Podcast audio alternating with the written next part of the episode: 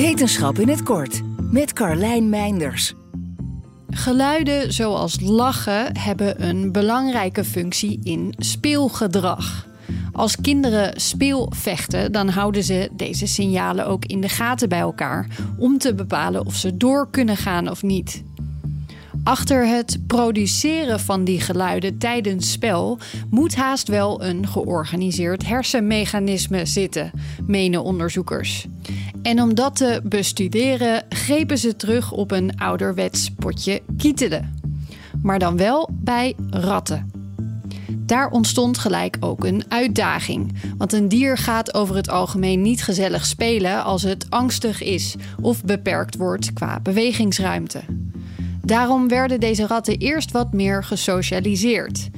Ze raakten gewend aan meer ruimte en een menselijk speelmaatje dat hun vervolgens plagend kietelde terwijl hun geluiden en hersenactiviteit werden gemeten. Zo vonden de onderzoekers een structuur in de hersenen van de ratten die essentieel bleek te zijn voor spelen en lachen.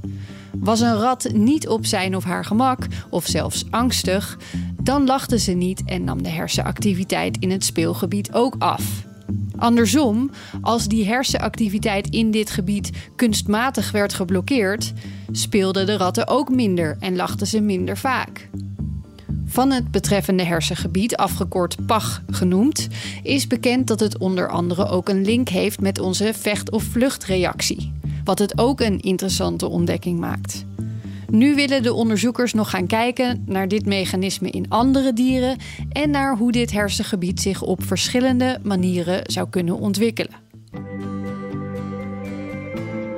Wil je elke dag een wetenschapsnieuwtje? Abonneer je dan op Wetenschap vandaag. Spotify is partner van Wetenschap vandaag. Luister Wetenschap vandaag terug in al je favoriete podcast-apps. Hardlopen, dat is goed voor je. En Nationale Nederlanden helpt je daar graag bij. Bijvoorbeeld met onze digitale NN Running Coach... die antwoord geeft op al je hardloopvragen. Dus, kom ook in beweging. Onze support heb je. Kijk op nn.nl slash hardlopen.